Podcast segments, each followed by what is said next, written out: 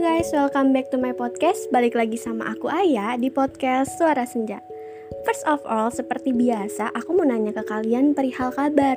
Jadi, how are you today? Apakah kalian merasa baik-baik saja hari ini? Atau ada sesuatu yang mengecewakan, sesuatu yang melelahkan, atau kalian ngerasa hari kalian tuh buruk? It's okay, let it flow. Karena memiliki hari yang buruk bukan berarti kalian akan memiliki hari-hari buruk selanjutnya dong. Jadi nggak apa-apa. Yang penting kalian sudah melakukan yang terbaik sampai hari ini dan selalu bertahan menjadi yang terbaik. Dan kalian pasti akan menjadi yang terbaik setiap harinya. Oke. Okay. Jadi di sini sesuai dengan judulnya aku mau membahas tentang insecure. Seperti yang pernah aku bahas di sebelumnya, episode sebelumnya itu me and my insecurity, aku juga ngebahas perihal insecure.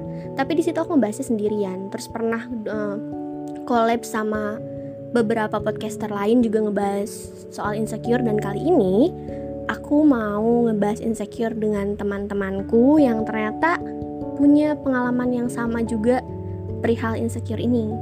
Jadi aku nggak sendirian nggak seperti podcast-podcast sebelumnya. Oke, jadi aku mau kenalin dulu ke kalian.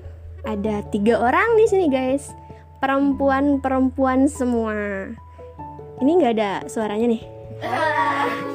Oke. Okay. dulu nih, ya. Oke. Okay.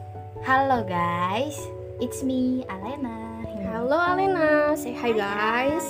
Saya kan di sebelahku ada, sebelahnya ada siapa nih?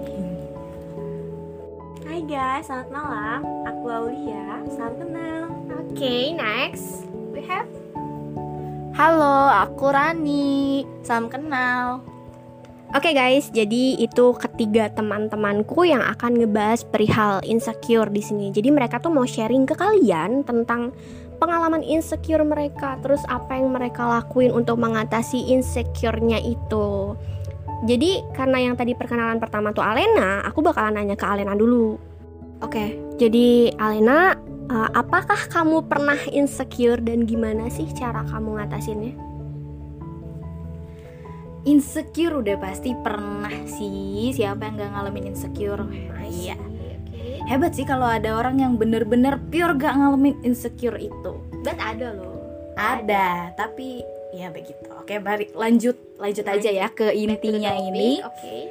uh, eh, cara aku ngadepin insecure di sini tuh adalah di pikiranku ini uh, aku terapin kayak insecure itu sebenarnya nggak apa-apa kita perlu insecure itu tapi jangan salah kaprah juga. Kayak kita harus menyeimbangi insecure itu dan motivasi itu. Jadi gimana uh, insecure itu istilah kayak uh, kita nih misalnya misal kita yang tadinya awalnya nggak bisa merawat diri bis, uh, akhirnya kita melihat orang-orang nih yang menurut kita kok enak dilihatnya kok enak dipandangnya kok dia rapih banget gimana bisa kayak gitu?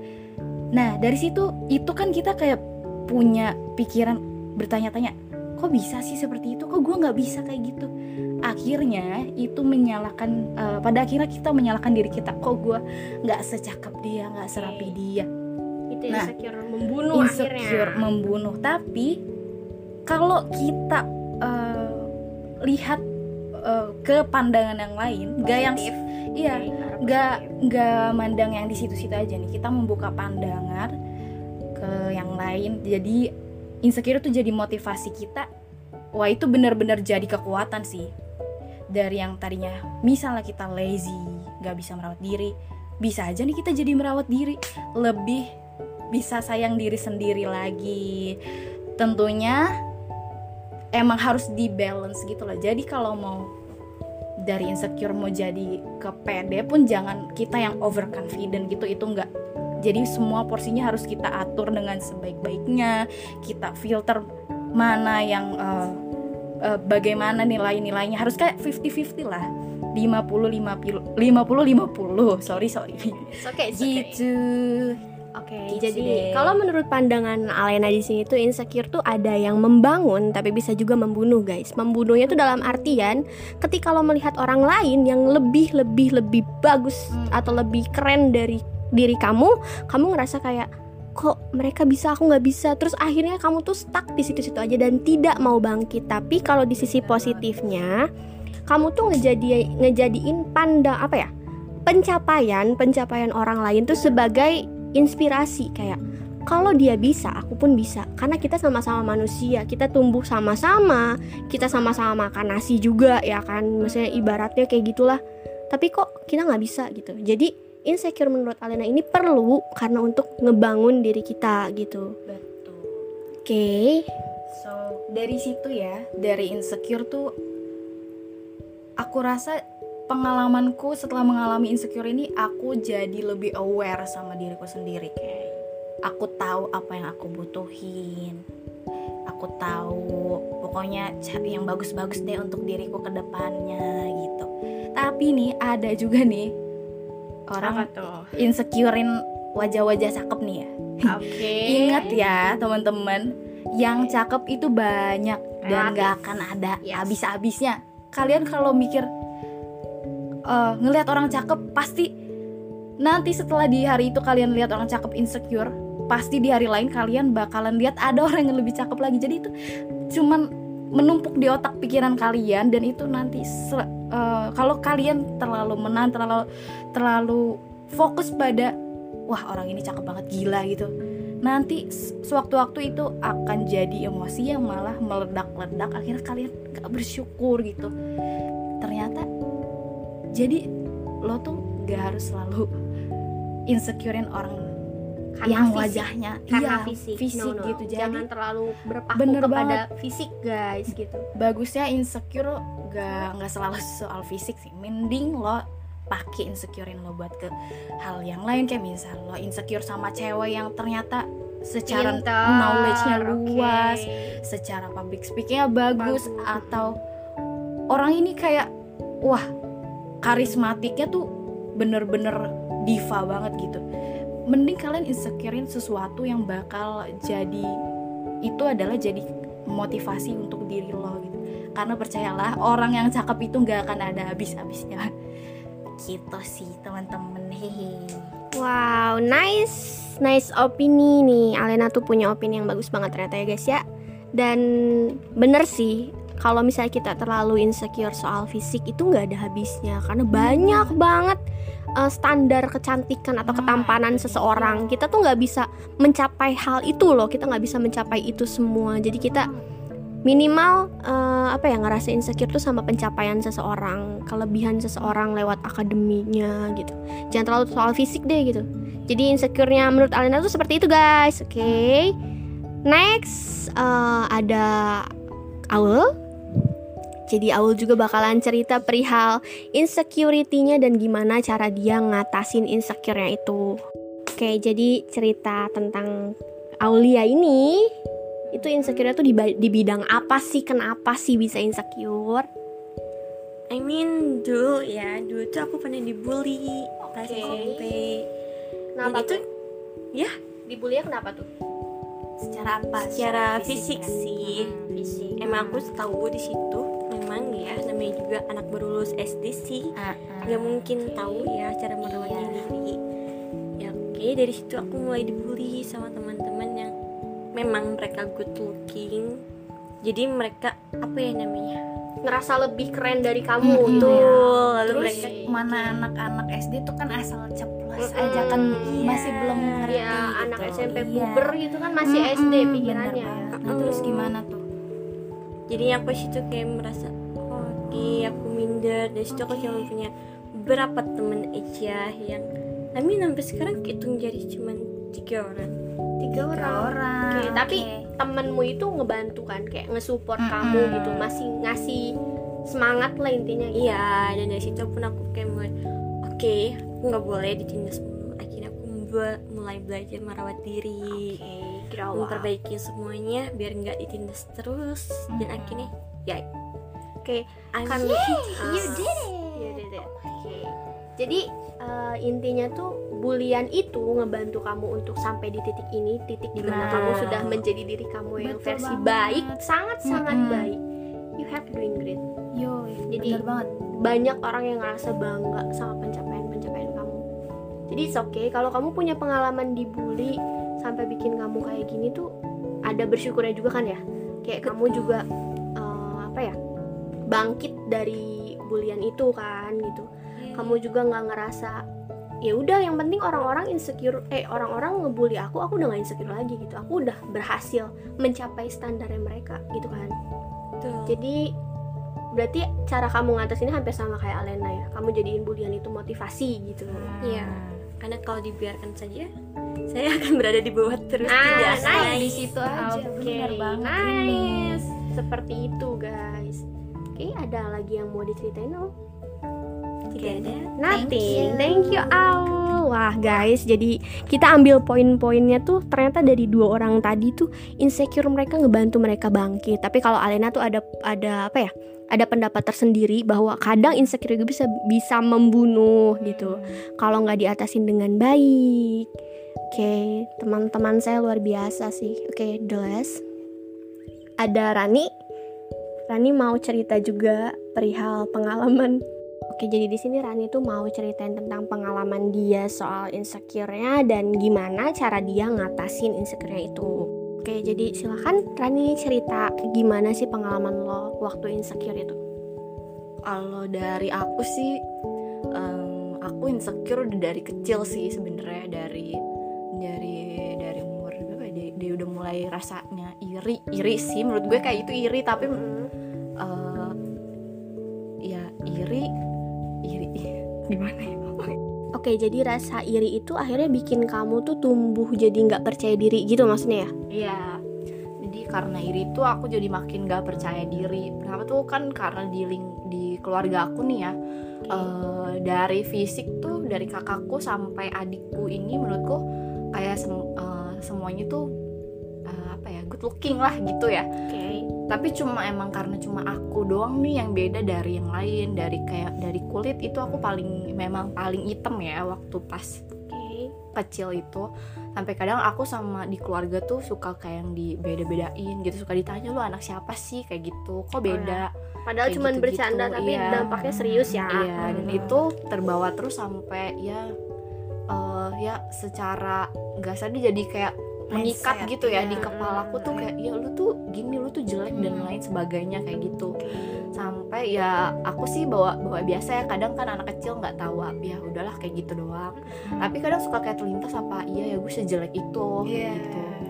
terus sampai eh, di SMP tuh ternyata kayak makin parah gitu. Dan aku tuh emang dari kecil tuh nggak terlalu peduli sama sama Diri diri, sendiri, ya ah. kan Ya, anak kecil kan suka kayak masih mainnya yang panas-panasan kayak gitu gitu di SMP tuh eh, aku sekolah tuh kayak lingkungan kan aku sekolah di sekolah negeri dan lingkungannya itu mayoritasnya muslim banyak ya Oke. dan di satu kelas itu aku cuma eh, Kristen sendiri Oke. dan eh, kayak ada temen-temenku sering, sering bilang kayak kok lu Kristen tapi kok lu jelek sih kayak orang Kristen tuh banyaknya tuh cantik-cantik cakep-cakep putih-putih.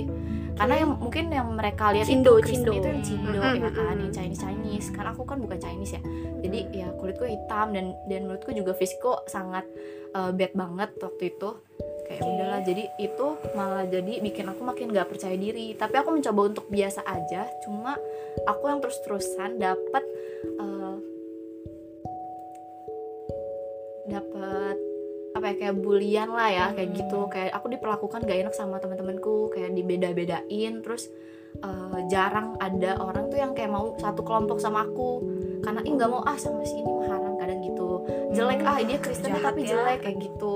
Uh, kalau coba kalau lu Oke. cantik Kristennya kayak kayak yang lain-lain kayak gitu gitu kan. Itu kayak sering banget ternyata. Itu kebanyakan dari cowok-cowok sih. Cuma kalau cewek-ceweknya itu kayak eh, nggak ada yang mau apa ya kayak nggak bukan nggak ada yang mau berteman tapi kayak orang-orang tuh eh, ngejauh Menutup gitu. diri. iya jadi kayak udah mereka di segeng itu kadang yang pintar bener pintar terus kayak yang cantik sama yang cantik-cantik aja. Aku tuh bingung kadang mau masuk ke lingkungan mana karena di yang cantik aku udah pasti nggak diterima di yang pinter pun juga aku jadi gimana ya aku nggak nggak percaya diri kayak gitu. Ya udah sampai di ya di suatu titik tuh aku beda eh, pindah kelas. Nggak pindah kelas kayak beda kelas kan kelas. Terus tapi kelasnya orang-orangnya beda-beda lagi. Oke. dan itu masih diperlakukan yang sama tapi aku masih kayak ada temen lah yang ngebela. Cuma nggak yang nggak yang terlalu gimana gimana tapi cuma aku tetap masih diperlakukan yang eh, sangat beda. Kadang sampai di guru juga aku sering kayak di eh, di wali kelas aku gitu. Sering dibilang kayak eh, lu beneran Kristen digituin. Nah oh gitu. shit. itu wali kelas aku sendiri yang bilang kayak gitu. Jadi itu makin aku Oke. ngerasa nggak percaya diri sampai aku kayak obses banget. Aku pengen punya temen. Dan di di eh, singkat cerita kayak di di kelas yang beda lagi aku dapetin bisa dapetin temen. Eh, dapetin temen tapi aku malah jadi diperlakukan itu seperti budak gitu. Dan lu menghalal dan kamu tuh menghalalkan Iya, segala, segala, cara, cara, untuk ya biar gue tuh ja- punya temen. Gue tuh pengen banget punya temen kayak punya sahabat kayak gitu gitu. Sebenarnya kayak gue tuh udah punya temen dari SD cuma gue tinggalin dia karena emang kita tuh ja- beda kelas jadi kayak jarak kita tuh jadi agak jauh ya. Terus akhirnya Oke. gue tuh eh, tinggalin teman gue ini dan beralih beralih ke sorry sorry for the noise. ke ke ke temen ini ke gengan ini nih yang ya ada ada salah satu ada beberapa lah yang cantik kayak aku gue tuh kayak gue bersyukur banget nih ada di geng ini karena dia gengnya termasuk geng yang yang orang-orang tuh banyak yang tahu gitu dan gue karena good looking Iya, ya. karena good looking. Nah gue tuh ikut ke kayak ya ikut ke apa sih kecipratan tenar. Eh, tenarnya lah ya. Ha, ngerti, kayak gitu. Tapi ya mereka tuh ada ada beberapa juga yang nakal yang kayak cuma eh, apa ya yang memperlakukan gue tuh seenaknya. Kayak gue tuh disuruh-suruh buat jajan ke kantin kayak gitu. Pokoknya gue tuh selalu jadi bahan suruhan mereka lah kayak segala catat gue nih termasuk orang yang rajin dan orangnya tuh gue nggak mau kayak yang cari masalah sama sama sekolah lah ya. Eh, tapi sama mereka itu eh, catatan gue selalu selalu apa ya, selalu utuh gitu. Tapi buku gue nih selalu ada di mereka gitu buat jadi ya gitulah. Kalau ketika mereka diperiksa sama guru catatan gue yang di yang yang buat mereka lah kayak gitu. Terus gue selalu ya, mereka ada salah satu teman gue yang dia tuh jualan eh, tapi nyuruh gue buat jualin itu. Cuma keuntungannya itu dia dia pegang sendiri kayak gitu. Jadi nggak nggak bagi-bagi sama gue. Jadi udah gue cuma disuruh jualan dan dagangannya itu ditaruh di kelas gue. Sampai gue tuh nggak bisa kayak gue nggak bisa fokus belajar kayak gitu. Karena banyak dagangan gitu di di meja gue tuh penuh dengan dagangan. Sampai kayak temen sebangku gue tuh risih kayak gitu kan. Terus eh, tapi eh, di di pertemanan ini tuh juga gue nggak ngerasa kayak gue nih berteman sama mereka karena gue cuma dijadiin kacungnya aja. Oke, gitu gue cuma disuruh-suruh kalau kalau mereka mau ke toilet dia bilangnya sama gue mau ke perpus kayak gitu-gitu. Padahal sebenarnya yang di, yang dilakuin tuh ya ya yang kayak gitu gitulah bukan bukan yang sebenarnya gitu yang mereka terus kalau mereka main itu eh, di belakang gue selalu kayak nggak pernah ngajak gue. Padahal gue kan termasuk bagian dari geng mereka ya ceritanya tapi iya. itu nggak gue nggak pernah diajak ikut serta gitu kalau main kayak gitu gitu nah gue sampai sempet eh, suatu waktu itu gue pernah em, pernah kayak ke ngegap lah ngegap nggak ngegap juga sih. Kayak ada satu orang yang ngomong lagi ke gue gitu teman kelasan. Kalau mau sih kayak masih temenan sama si gengan ini? gitu. Padahal kan lu juga sering dijelek-jelekin sama ini sama gengan ini kenapa lu masih mau aja tapi gue tetap maksain diri oh nggak apa-apa namanya juga temenan. Gue tuh pengen bener-bener saking pengennya punya temen. Karena gue selalu diperlakukan gak enak kan. Jadi ya udah gue sampai waktu itu eh, gue bohong ke orang tua gue kayak buat beli beli LKS atau beli buku dan lain pokoknya ada keperluan buat di sekolah tapi uangnya gue buat bagi-bagiin ke teman-teman gue. Oh, wow. Sampai waktu Valentine gue tuh beliin mereka coklat terus gue karena eh, mereka tuh anggap beranggapan juga gue tuh kan kayak Chinese dan ngerayain Imlek ya. Semua Kristen tuh kayak ngerayain Imlek jadi gue harus kasih mereka tuh ampau di situ gue kumpulin kasih ya? jajannya dikasih? dan gue kasih ke mereka buat mereka. Sampai segitunya. Itu itu nggak ya berlanjut sampai gue lulus sekolah. Gue masih berteman sama mereka sampai akhirnya gue juga gue sadar kenapa gue selalu diperlakukan seperti ini gitu. Karena setiap lagi eh, jam istirahat gitu kita ngobrol nih.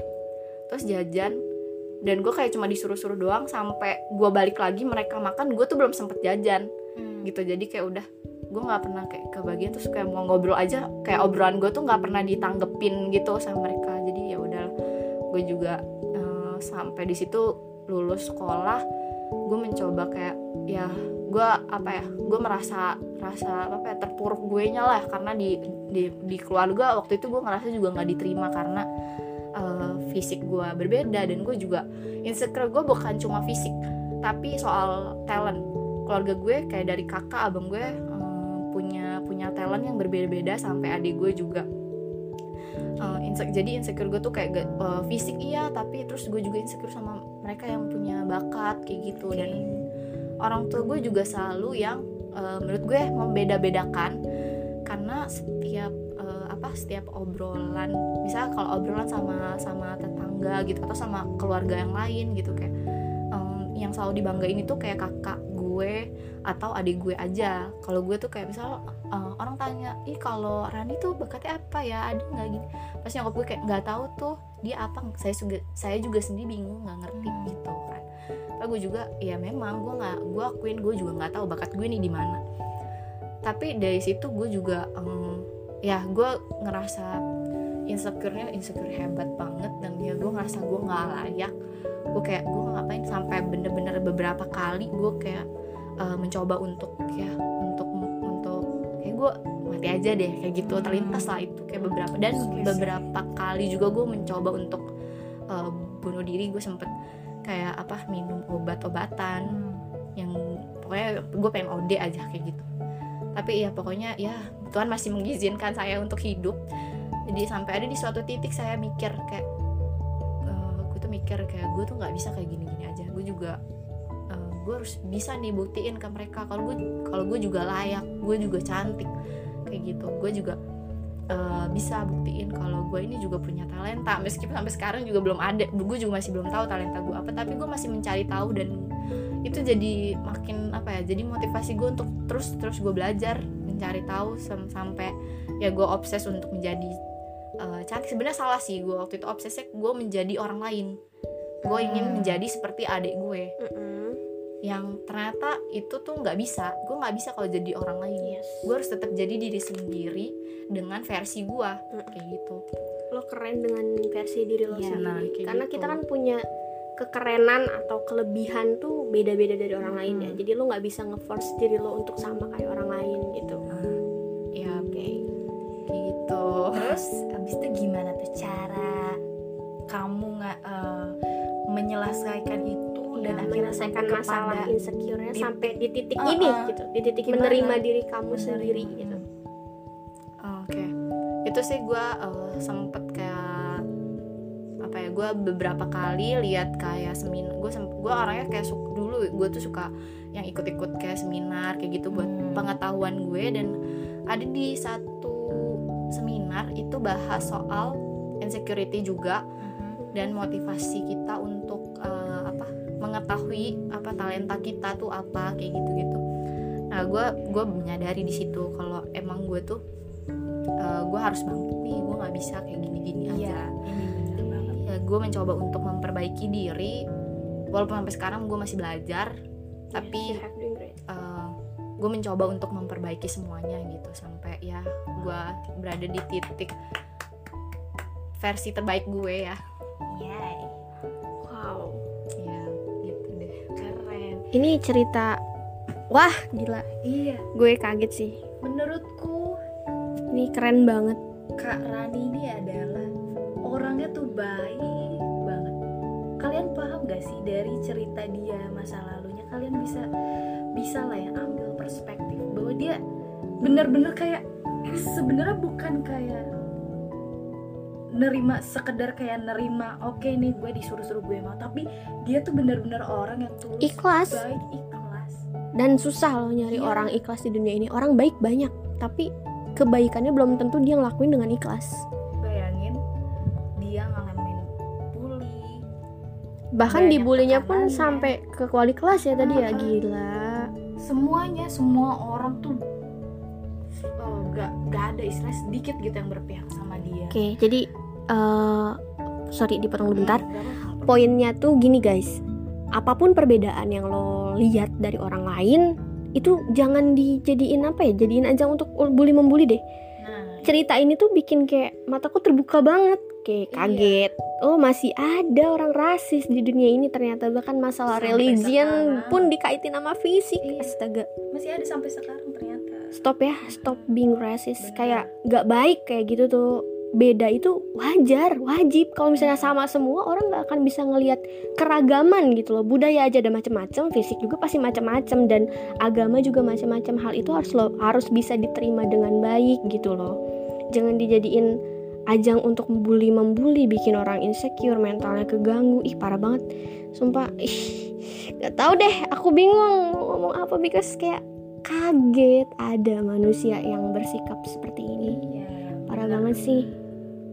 makanya kita perlu aware kita Yes. ambil semua hikmah pelajaran dari pengalaman hidup kita.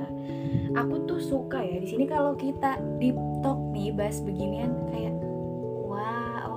jadi oh aku tahu pengalaman cerita hidup di teman-temanku ini punya karakter yang sampai menjadikan mereka sekarang. Ini ini tuh karakter mereka gitu. Kayak Karani orangnya lembut baik gitu. Terus Kak Awal orangnya ceria happy gitu. Kak Aya ceria happy. Tapi ternyata dari karakter yang sudah terbentuk itu ada pengalaman ada proses prosesnya itu bener banget. Proses di mana kita bisa So, sampai di titik iya, ini gitu. makanya menghargai proses pengalaman itu penting entah pengalaman negatif or positif bener itu penting banget sih.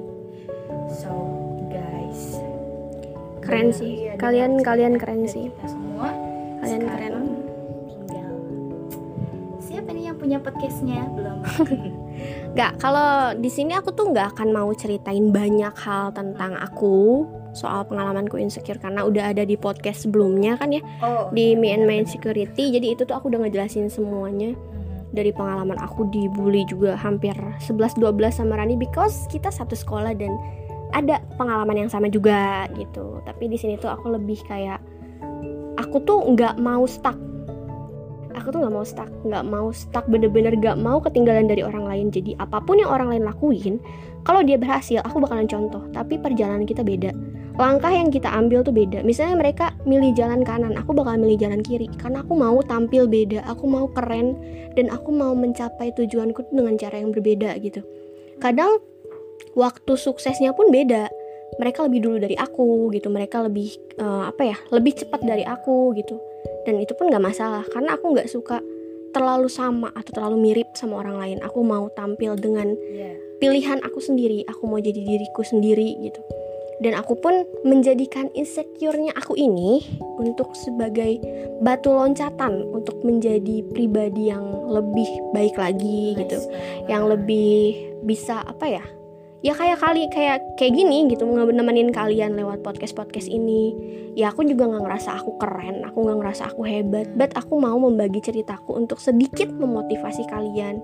Kayak mungkin ada beberapa kalimat positif yang aku ucapin dan bikin kalian mikir kayak oh iya ya bener ya bener ya berarti gue harus kayak gini gitu aku juga nggak mau memotivasi yang bener-bener kayak aku ngerasa aku keren enggak aku nggak kayak gitu. But setidaknya aku sudah melakukan diri melakukan sesuatu yang terbaik untuk ngebantu orang-orang memotivasi ya. orang-orang heeh, gitu. Aku juga pengen jadi berguna lah intinya. Sampai sini sih aku merasa sudah cukup tapi aku akan berusaha menjadi lebih baik lagi gitu. Ini ada tambahan lagi dari teman-teman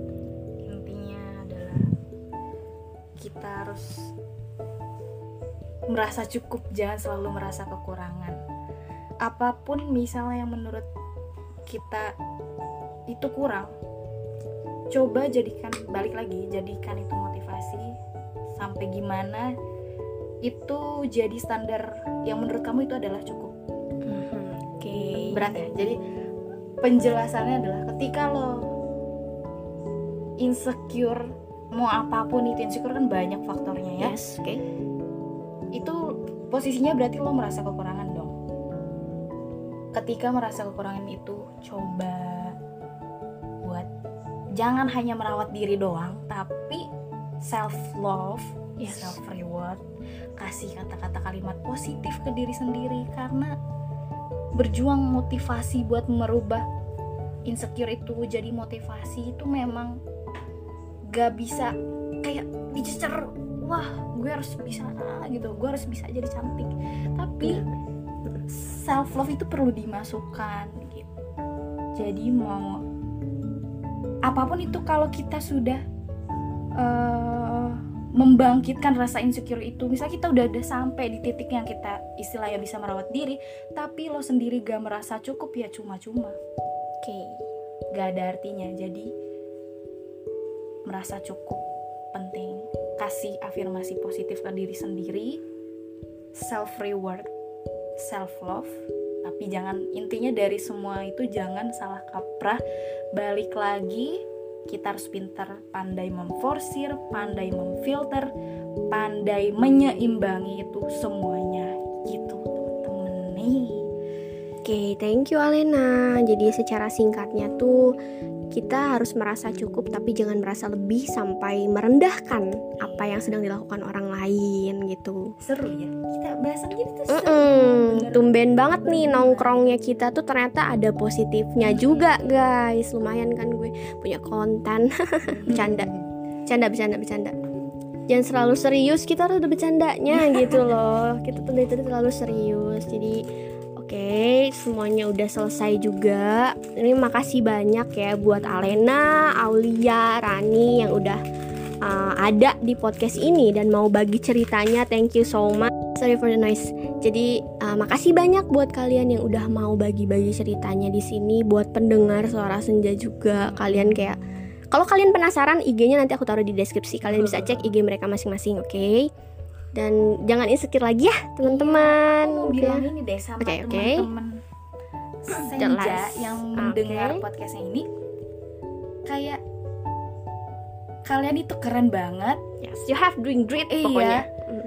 aku makasih banget ke diri kalian yang sudah bertahan menghadapi keinsecureanmu atau misal di luar konteks insecure masalah hidup lainnya Mm-mm. kayak aku berterima kasih sama kalian meskipun berusaha untuk uh, ada pikiran bunuh diri tapi Yes, kalian yes, tetap yes.